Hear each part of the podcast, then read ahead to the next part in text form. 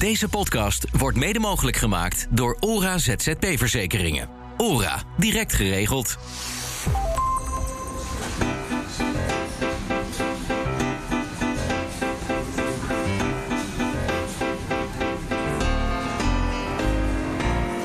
Ik ben mislukt als ondernemer, als moeder, als mens. Ik weet niet wat ik moet doen. Maar ik ga nu wel ontdekken hoe ik het anders kan doen. En ik hoop dat anderen daarvan kunnen leren. Ik doe wel echt, ik leef echt wel mijn droom. Op een prachtig eiland te zitten en je boek te schrijven of een ander mooi project op te pakken. Het was wel vooral een ontdekkingstocht naar wat, wat is dat dan, rijkdom? Wat is een fortuin? Ik denk ehm, de reis um, omarmen uh, is, is gewoon belangrijk. Dus niet alleen de hoogtepunten, maar ook die dieptepunten.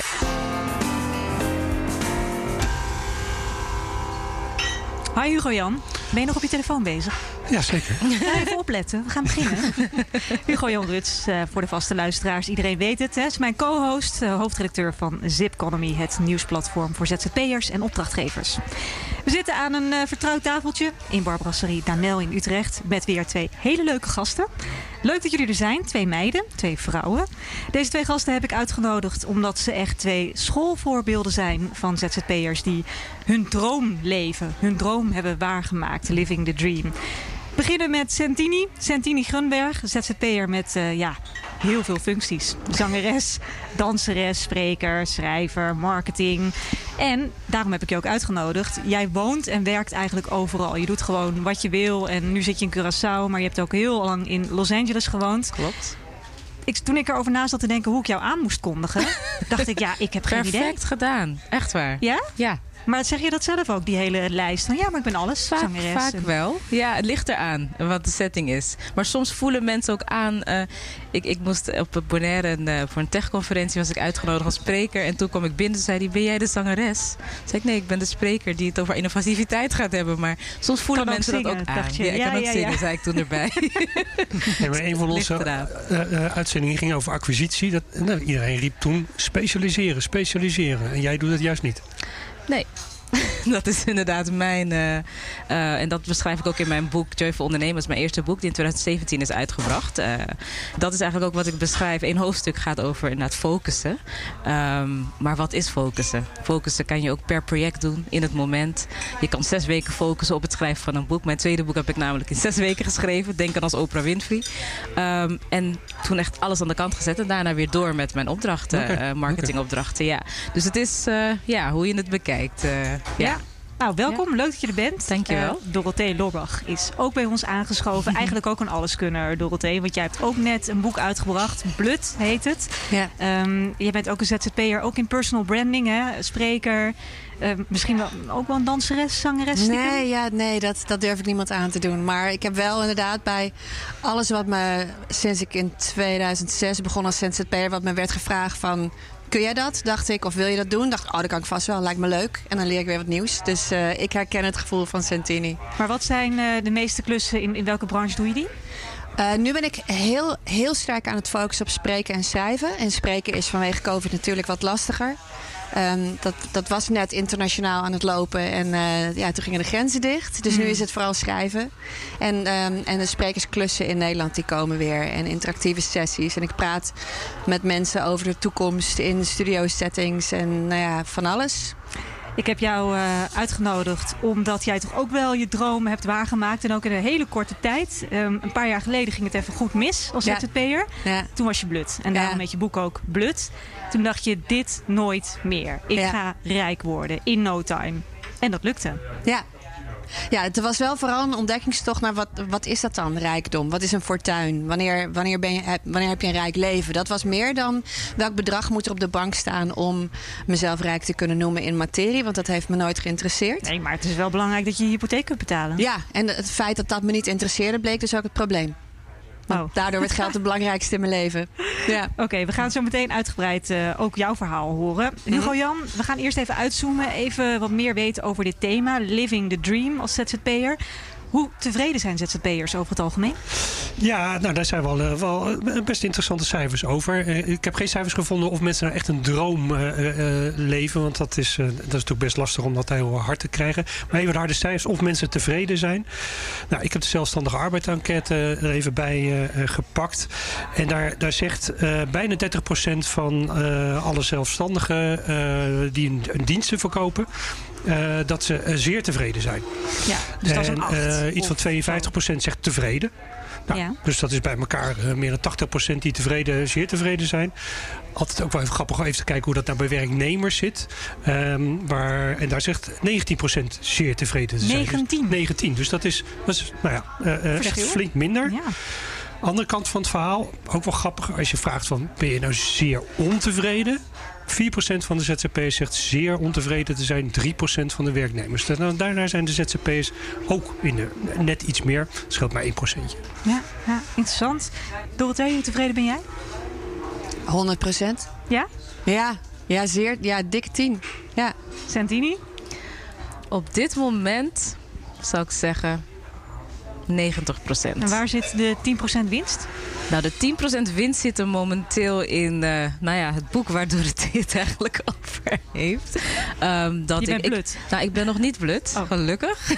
maar um, ik wil altijd vooruitkijken. Ik wil echt zes maanden het liefst een jaar vooruit kunnen, kunnen kijken. Dat als er geen opdrachten zijn, dat het, uh, uh, dat het toch goed gaat. Maar ik heb best wel wat persoonlijke uh, tegenslagen gehad dit jaar. Het begon voor mij met, uh, nou ja, ik had heel leuke auto in Suriname gevierd. Hè. Dat is mijn, eigenlijk mijn, uh, waar mijn roots liggen. Ik ben ja. wel geboren in Amsterdam, maar ouders komen uit Suriname. En toen kwam ik terug op 5 januari, ging ik dan terug naar Curaçao. Werd ik heel, helemaal onwel, niet lekker. En okay. bleek ik dus dengue te hebben. Oh, dengue fever. ja, dengue fever door een ja, mug geprikt en dus dat opgelopen. Maar ook nog eens een leverontsteking gehad. Waardoor ik in het ziekenhuis terecht kwam. Ja, het was echt heel heftig. Dus ik heb drie maanden niet kunnen werken. Wel alles gewoon kunnen doorbetalen. Want het zat dus helemaal, helemaal supergoed. Ja, daarna... Maar was jij verzekerd? Voor ik, was, ik was wel verzekerd voor... Arbeidsongeschikt, zeg maar.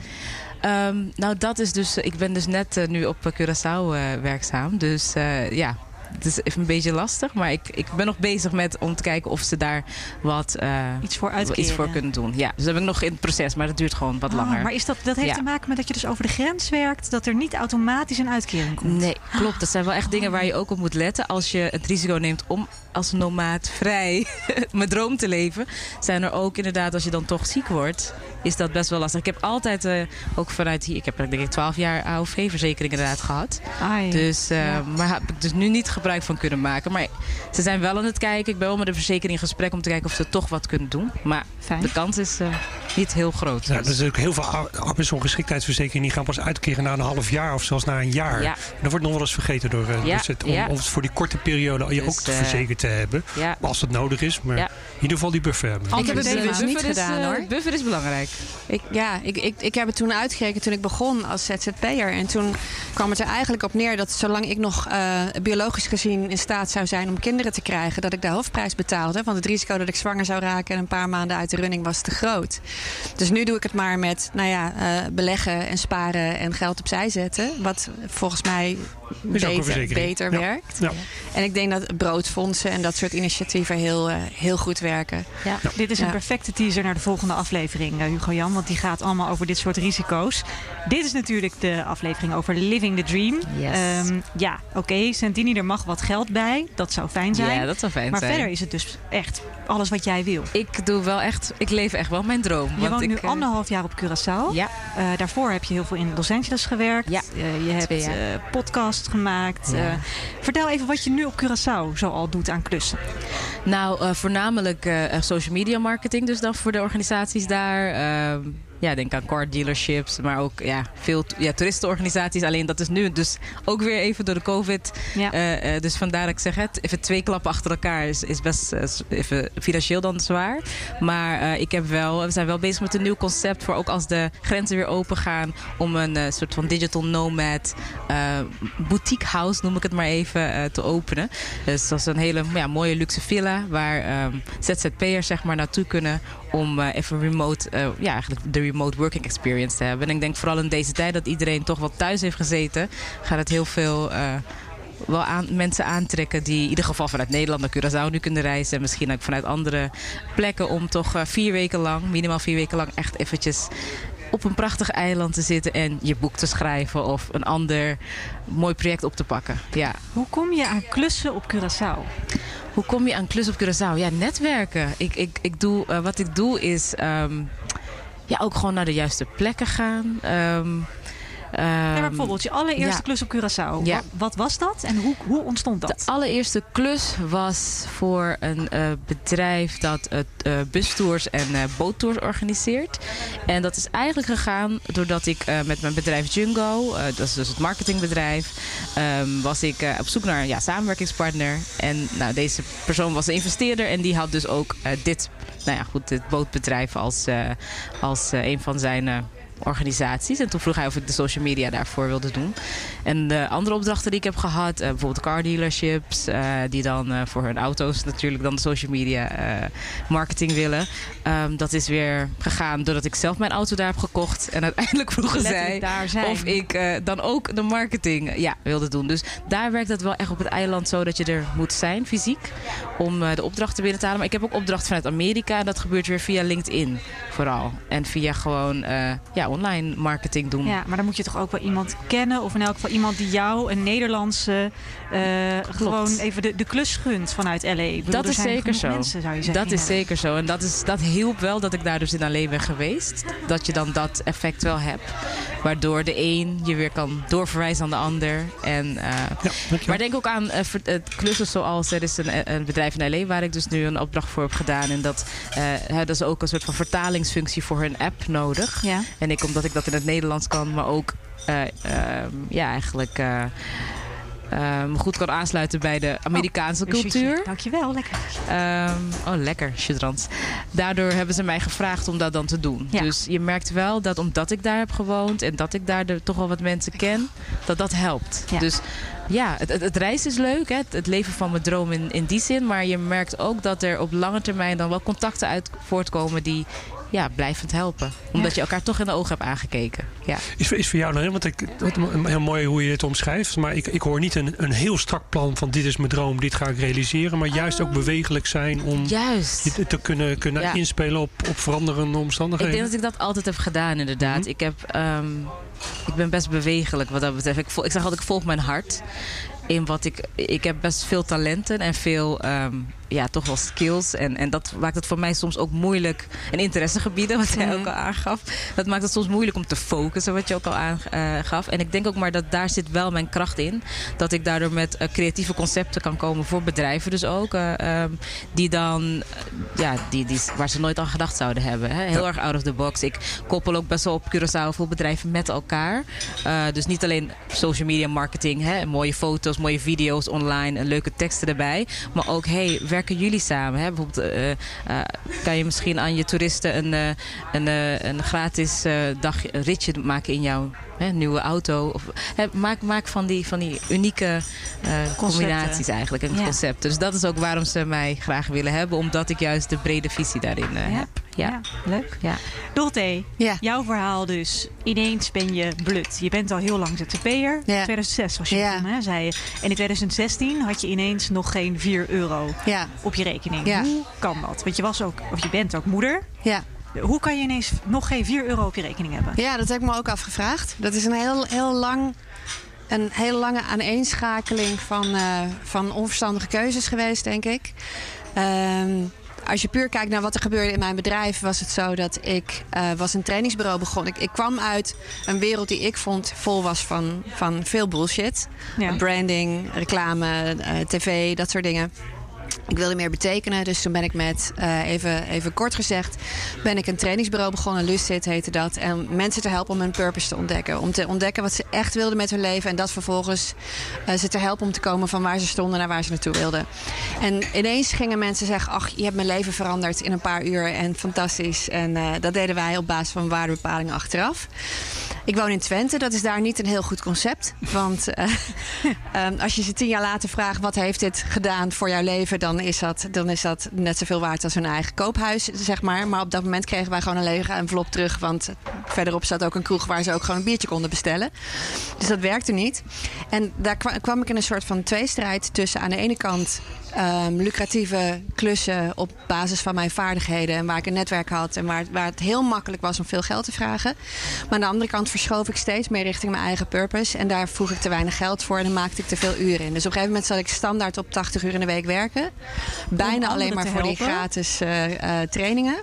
Geen tijd meer hebben voor een vervolgtraject of, uh, of een. Echt gratis trainingen? Echt gratis of te weinig. Of ja, studenten hebben heel veel behoefte aan dit soort dingen. En dan werd door zo'n onderwijsinstelling instelling gewoon gezegd: ja, we hebben geen budget, maar mijn studenten hebben je wel nodig. Ja, en dan wilde ik de wereld redden. voor. Ja, en dan kreeg ik een fles wijn en dat vond ik al heel fijn. En dan kon ik levens veranderen. Dus het was, een, het was echt een, een, een, een hele grote... valkuil. Een valkuil. Maar ook een soort dubbelleven dat ik leidde. En ik ging steeds meer. Je gaat heel hard op de dingen waarvan je, waarvan je het gevoel hebt van: oh, dit, ik, ben, ik ben op aarde gezet om dit te doen. En dan gaat het vanzelf, in ieder geval in mijn geval. Dus ik, ik ging ook steeds minder van die lucratieve dingen doen. Dus op een gegeven moment had ik wel zoiets van: oh, dit gaat niet goed. Um, dus toen um, um, heb ik uh, met een start-up afgesproken dat ik voor de eigenaar in een half jaar tijd een marketingafdeling en zijn branding voor elkaar zou maken. En hij was nog bezig met een investeerder. Dus als hij die investeerder had, dan zou hij mij in één klap een soort van startkapitaal geven voor de volgende stap in ons trainingsbureau. Ja, ja en die start-up is uh, failliet gegaan. Dus toen ah. had ik geen inkomen. Uh, toen kreeg ik, ik had een buffer voor de zomer. Want daar was ik wel op voorbereid. Maar dat was iets van 20.000 euro volgens mij, had ik als buffer. En toen uh, bleek dat voor al die gouden jaren die ik had gehad, daar moest ik in één keer belasting voor betalen. Wat ah. natuurlijk als ondernemer geen verrassing mag zijn. Maar ik had altijd boekhouders die zeiden zo lang mogelijk uitstellen. Kom wel, kom wel. Ja, en op een gegeven moment komt alles tegelijk. Toen en toen had ik echt niks meer aftikken. En toen ja, had je 3,97 euro op je rekening. Ja, en gelukkig was mijn dochter was toen drie weken bij haar vader. Want we hebben co-ouderschap. En zij was daar voor de zomer. En toen uh, zou ze twee dagen later zou ze terugkomen op haar verjaardag. En toen dacht ik, ja, ik, ik kan niet eens een taart voor de bakken. Zo weinig geld heb ik. Dus ik kan nu symptomen gaan bestrijden. En ik heb een heel goed netwerk en lieve mensen, welgestelde mensen om me heen... die me makkelijk geld hadden kunnen lenen om eruit te komen. Maar dan had ik het probleem niet opgelost. Dus ik dacht, uh, ik ga nu... Ik heb 48 uur om een oplossing te verzinnen... om uh, en mijn problemen op te lossen... en mijn financiële intelligentie te verhogen... en te ontdekken wat dat nou is, rijkdom of een rijk, uh, rijk leven leiden. En geld te verdienen. Dus, uh... Maar oké, dus ik snap dat je in een, in een overleefmodus gaat. Ja. Maar dan moet er ook maar een plan in je hoofd opkomen waarvan je denkt: dit is haalbaar binnen 48 uur. Ik heb nu geld nodig. Ja. Wat was dat plan? Ja, dat had ik al drie weken, maar ik durfde niet. Oh. want het was nogal gênant, want dat plan was dat ik een boek zou gaan schrijven dat boek meteen zou verkopen. En intussen uh, topondernemers en financieel specialisten in mijn omgeving zou uh, interviewen over wat zij snappen, wat ik niet snap. En dus daarmee. een boek verkopen wat er nog niet is. Ja. Dus alleen maar een plan hebben voor een boek. Ja. In jouw geval over geld, blut zijn. En ik ging leren van de beste. Ik ging alles lezen en kijken wat er te vinden was over ondernemerschap en over rijkdom en over, over nou ja, geen geldstress hebben. Ja. Dat was natuurlijk nog heel erg vanuit schaarste, vanuit niks hebben. En dan moet je iets hebben. Dus de eerste interviews gingen ook heel erg over hoe verdien ik geld. En hoe zorg ik dat het meer wordt. En hoe zorg ik dat ik niet meer blut ben. En, um, ja, en dat boek ben ik gaan verkopen voor een tientje.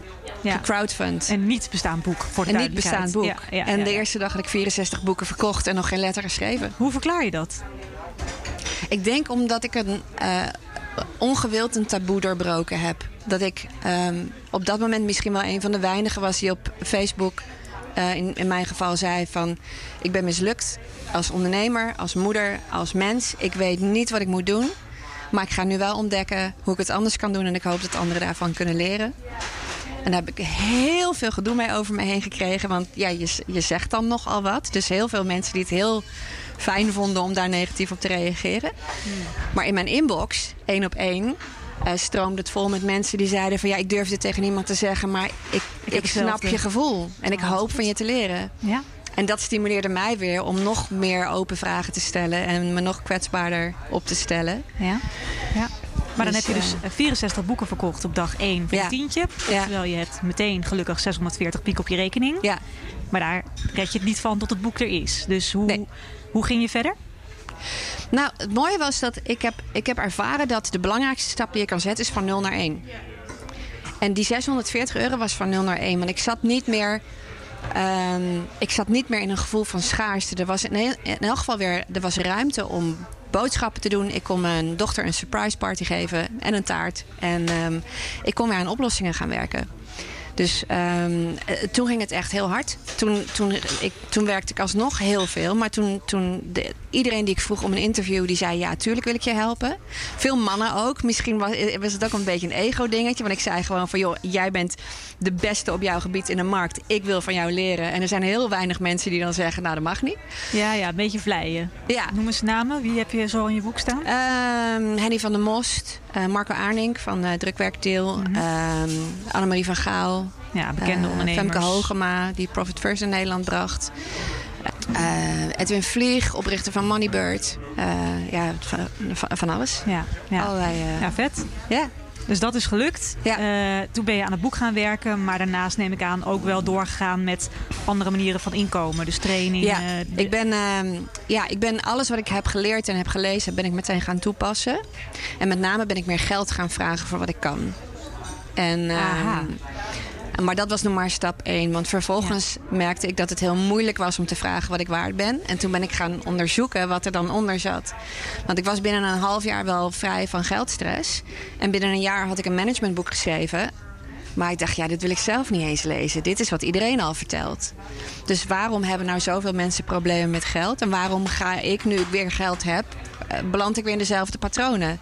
Want na twee jaar was ik eigenlijk weer bijna blut omdat gewoon automatisch mijn levensstandaard weer omhoog ging. Of dat ik weer harder ging werken en dan weer, maar weer eten ging afhalen. Of in een koffietentje ging zitten. Of nou ja, van die kleine dingen die uiteindelijk weer leiden tot eh, onverstandige patronen. ja. Dus toen ben ik echt op zoek gegaan naar wat betekent nou geld. Voor mij persoonlijk met name. Ehm, en hoe zie ik mijn waarde? En toen zag ik ineens van ja, ja, ik vind geld niet belangrijk. Maar omdat ik het niet belangrijk mag vinden, kom ik in de problemen. Maar ik vind mijn tijd wel belangrijk. En geld en tijd zijn in de westerse wereld eh, direct aan elkaar gekoppeld. Want iedereen ruilt zijn tijd voor geld. En als je niet oppast, eh 80 uur in de week voor eh, minimumloon. Ja, heel mooie, inspirerende verhalen van jullie alle twee. Ik, ik, ik heb van de auteur Paulo Coelho wel eens geleerd dat het, het bereiken van je doel, eh, de droom niet het belangrijkste is, maar het genieten van de reis. Nou, Ja. je zit al heel hard ja te knikken. Maar hoe doe je dat? Hoe, hoe geniet je tijdens de reis terwijl je je doel nog niet bereikt hebt? Volgens mij is dat de kern van. eh, Heel mooi dat je Paulo Coelho aangaat. want de Alchemist heb ik misschien wel Alchemist, 15 ja, keer eh, ja. gelezen. Dat is ook mijn Ja, het bijbel. is echt Ja. mijn bijbel. Het is echt heel gaaf, ja. Geweldig. En, ehm, en dat is eigenlijk wat ik nu. eh, ik probeer alle. eh, want het ondernemerschap, hè, dat is. Dat is, dat is je, je bent het ondernemen, maar er gebeurt heel veel om je heen. Wat ik al zei, ik heb hè, wat gezondheidsproblemen gehad. Eh, ik ben natuurlijk nu helemaal gezond. Ik ben helemaal dankbaar voor. Nou ja, een overlijden gehad in de familie. En, en god, er gebeurt heel veel. Dus hoe zorg je er ook gewoon voor dat je zelf emotioneel eh, stabiel genoeg bent? bij- blij- blijf bijtanken. Daar ben ik ook hier nu lekker vijf weken met mijn familie. En gewoon even, even uit, uitwaaien in Nederland. Mensen denken, hey, vakantie naar Nederland. Je woont toch op Curaçao? Ja, maar dat is, dit is voor mij bijtanken. Wat ik ook weer nodig heb om verder te gaan. Dus ik denk ehm, de reis ehm, omarmen. eh, is, is gewoon belangrijk. Dus niet alleen de hoogtepunten, maar ook die dieptepunten. En eh, zelfreflectief durven zijn. Durven te kijken naar wat ligt er onder je, je patroon, inderdaad, zoals Dorothee aangaf. En ik denk ook dat kwetsbaar zijn, ja, dat is prachtig dat je dit eh, zo benoemt. Dat is iets waar ik nu. ehm, ik denk dat, mijn, eh, dat, dat de omstandigheden in mijn, mijn ondernemerschap en zo. me ook in die richting duwen om kwetsbaar te zijn. Want ik, wat jij nu aangaf, dat vind ik ook. Ik heb dat idee dus ook al een tijdje van. Ik wil iets doen met crowdfunden voor mijn muziek. Want ik maak ook muziek. Alleen ik heb het dus nog niet gedaan. En nu ben ik ook een beetje, word ik ook gepusht naar die edge om hulp te vragen. Niet alleen in mijn kringen om mij heen, maar inderdaad algemeen. En er komt heel veel over je heen. Inderdaad, men zegt ook geen aardige dingen op social media. Dat heb ik ook meegemaakt. En dus als ik me nog kwetsbaarder opstel, hoe gaat dat dan? Maar ja, uiteindelijk kan je niet anders. Dan moet je gewoon door. Dus dit, eh, dit gesprek helpt mij ook eh, echt op dit moment eh, daarmee. Dus, Nou is ja. het natuurlijk wel zo dat heel veel ZZP'ers gewoon van opdracht naar opdracht leven. Mhm, en ja. ehm, dan zijn ze al lang blij dat ze daar een prima inkomen uithalen. Maar ik, ik hoor heel veel luisteraars misschien nu hardop denken... ja, weet je, ik heb gewoon een gezin en ik moet gewoon zorgen dat er brood op de plank komt. Ehm, vet allemaal hoor, de, de, de droom najagen. Maar ik heb niet per se een droom. Ik wil gewoon zorgen dat ik, dat ik genoeg, uh, hè, genoeg inkomen heb om mijn gezin te onderhouden. En leuk als ik af en toe ook de krenten uit de pap krijg. Een echt een leuke klus waar ik heel blij mee ben. Wat zou je tegen die mensen zeggen, Dorothee? Volgens mij kun je dan net zo goed stoppen met ondernemen. Ik denk dat het probleem, ik snap wat je zegt, is en dat, dat, dat, um, dat je, als je als je wilt ondernemen, dat je uh, in de toekomst moet kunnen kijken. En voor de lange termijn, dat je af en toe moet stilstaan om te kijken: oké, waar ben ik mee bezig, waar ga ik naartoe? En ook financieel. Maar ik denk dat um, veel te veel ZZP'ers um, per ongeluk zijn gaan ondernemen. En de meeste ZZP'ers die ik heb gesproken, die willen ergens vandaan. Of die wilden ergens vandaan. Die hadden een burn-out. Of die waren niet gelukkig. Of die hadden een, een eikel van een baas. Of die hadden geen voldoening. Of wat dan ook. En vervolgens wat ze dan gaan doen. En ik wil niet generaliseren, maar de meeste ZZP'ers die ik ken hebben dit meegemaakt. Is dat ze voor de ergste baas ter wereld gaan werken. Namelijk zichzelf. En dan is het nooit goed genoeg. Dan mag je al lang blij zijn dat je iets doet wat je leuk vindt. Of waar je hart ligt. Of waar je anderen mee kan helpen. En dan moet je niet ook nog meer geld willen. Of ook nog alleen maar leuke dingen willen doen. En dit is bijna een soort van, van verkapt Calvinisme wat dan gaat spelen. En dan ineens gaat het er alleen maar om de rekeningen kunnen betalen. En dan zit je weer in een soort van schaarste gedachte. Ja, maar het is natuurlijk heel belangrijk. Dat, zeker als je kinderen hebt en je hebt een gezin. Ja. je wil niet in jouw positie belanden dat er ineens geen geld meer is. En niet eens een, een taart kunnen bakken voor je eigen kind. Ja, helemaal waar. Maar ik, ik kan veel meer verdienen met dat waar, waar, waar ik echt van aanga. En alleen maar daar ja tegen zeggen. En af en toe een keer ja zeggen als het even wat minder gaat tegen iets wat ik ook goed kan, maar waar ik mezelf niet mee profileer. En dat ik mezelf niet van mijn pad te veel laat afgaan. Dan dat ik alleen maar de dingen doe die ik ook wel kan. Dus jij bewaakt in die zin heel erg strikt je grens. Ik neem alleen de klussen aan die ik wil doen. Ik weet ook dat ik dat goed kan, dus ik ben het waard. Ik vraag mhm. daar een x bedrag voor. Ja. En dat ben ik waard. Dat heb jij dus denk ik ook geleerd van jouw boek en, en ja. waarde bepalen. Ja. Uh, en jij hebt ook een grens gesteld volgens mij. Hè? Je werkt niet meer dan 28 uur per week. Ja. Punt. Ja, en dat is ook niet helemaal waar. Want aan de ene kant werk ik helemaal niet omdat ik alleen maar doe waar ik, waar, waar, waar, waar ik echt van hou. Mm -hmm. En Mhm. waarvan ik denk dat ik de meeste toegevoegde waarde heb. En aan de andere kant, automatisch gaan 24 uur per dag zitten, direct of indirect, in mijn werk. Dat ik nu met jullie praat, vind ik fantastisch. Zou ik op een zondagochtend ook doen. Um, en ook als ik mee. geen boek nee. had geschreven. ja. Maar het is ook mijn werk. Dus, Ja. en, en dat vind ik fantastisch. Ja. Maar ik denk dat heel veel ZZP'ers um, ook niet durven te stoppen. Maar zich wel stiekem kapot geschrokken zijn. Van oké, okay, ik ben nu weg uit die situatie. Ik, ben nu, ik, ik ging voor vrijheid of voor uh, hè, doen wat ik leuk vond of wat dan ook. Wat dan ook je beweegredenen mogen zijn. En dan erachter komen dat je ineens honderd vaardigheden moet beheersen. Dat je geen secretaresse meer hebt. Dat Ja. je zelf koffie moet zetten. Dat je je boekhouding moet doen. Dat je dingen moet inkopen. Dat je, dat je ook nog eens... Je zit in de waan van de dag. Maar ook moet je tien jaar vooruit kunnen kijken, bij wijze van spreken. En Ja. dat doen ze niet. Dus wat dat betreft ben ik het, ben ik het ook met jou eens van wat, wat Paulo Coelho ook zegt. Is leef nu. Dit is je moment. In dit moment zit alles. En voor je het weet, met name als ZZP'er, ben je alleen maar urgente dingen aan het doen. Maar dat zijn alleen maar dingen die je niet op tijd belangrijk hebt gemaakt. Ja. Dus niks doen, stilstaan en gewoon heel eerlijk durven kijken. Wat, wat is er nu? Wat zie ik? Wat hoor ik? Wat voel ik? Wat wil ik? Waar ben ik? Waar kom ik vandaan? Dat, ik denk dat dat het belangrijkste is uiteindelijk. Maar die alchemist ging wel ergens naartoe. Het, het hebben van dat doel. Ja. Ja. Hoe belangrijk is dat dan toch eh, eh, om, om, om die reis aan te kunnen? Dat is voor iedereen denk ik, denk ik verschillend. Kijk, als je niet iets wil veranderen, ga je niet weg. Dus dan beweeg je niet. Je moet sowieso willen bewegen en een reden hebben om te bewegen. Maar ik denk dat als je, als je nou ja, letterlijk als je gaat lopen, als je die eerste stap hebt gezet, is je perspectief anders dan voor die eerste stap. Dus dat je vanaf daar pas je tweede stap kan bepalen. En jouw, een doel kan zijn niet meer dan 30 uur per week werken. Eh, alleen de leukste klussen kiezen. Ja. Klussen die ik echt, waar ik enthousiast van word. Dat, ze- dat kunnen gewoon, bij wijze van spreken, doelen zijn die elke ZZP'er gewoon voor zichzelf op papier kan zetten, toch? Is het een doel of is het een middel? Ja, ik denk dat het meer een hoe is. De, de, hoe, je gra- hoe je graag zou willen werken. Ja. Ja. Mijn doel is aanwezig zijn in mijn eigen leven. En daar hangen heel veel ondernemersbeslissingen mee samen. Zoals een maximum aantal uur, bij wijze van spreken, dat je echt Ja, aan het maar ook dat de uren die, die ik facturabel ben, daar wil ik echt eh, vergeleken met vroeger bizar veel geld voor hebben. Ja.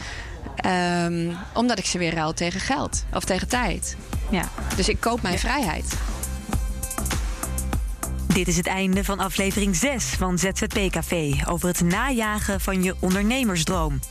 Veel dank aan Sentini Grunberg, de alleskunner, zangeres, spreker, schrijver, etc. En ook dank aan Dorothee Loorbach, ook een duizendpoot en auteur van het boek Blut. De volgende aflevering gaat over risico's. Wanneer heb je je financiële zaken op orde als ZZP'er? Veel dank ook aan Ora voor het mede mogelijk maken van deze podcast. Graag tot de volgende. Deze podcast wordt mede mogelijk gemaakt door ORA ZZP Verzekeringen. ORA, direct geregeld.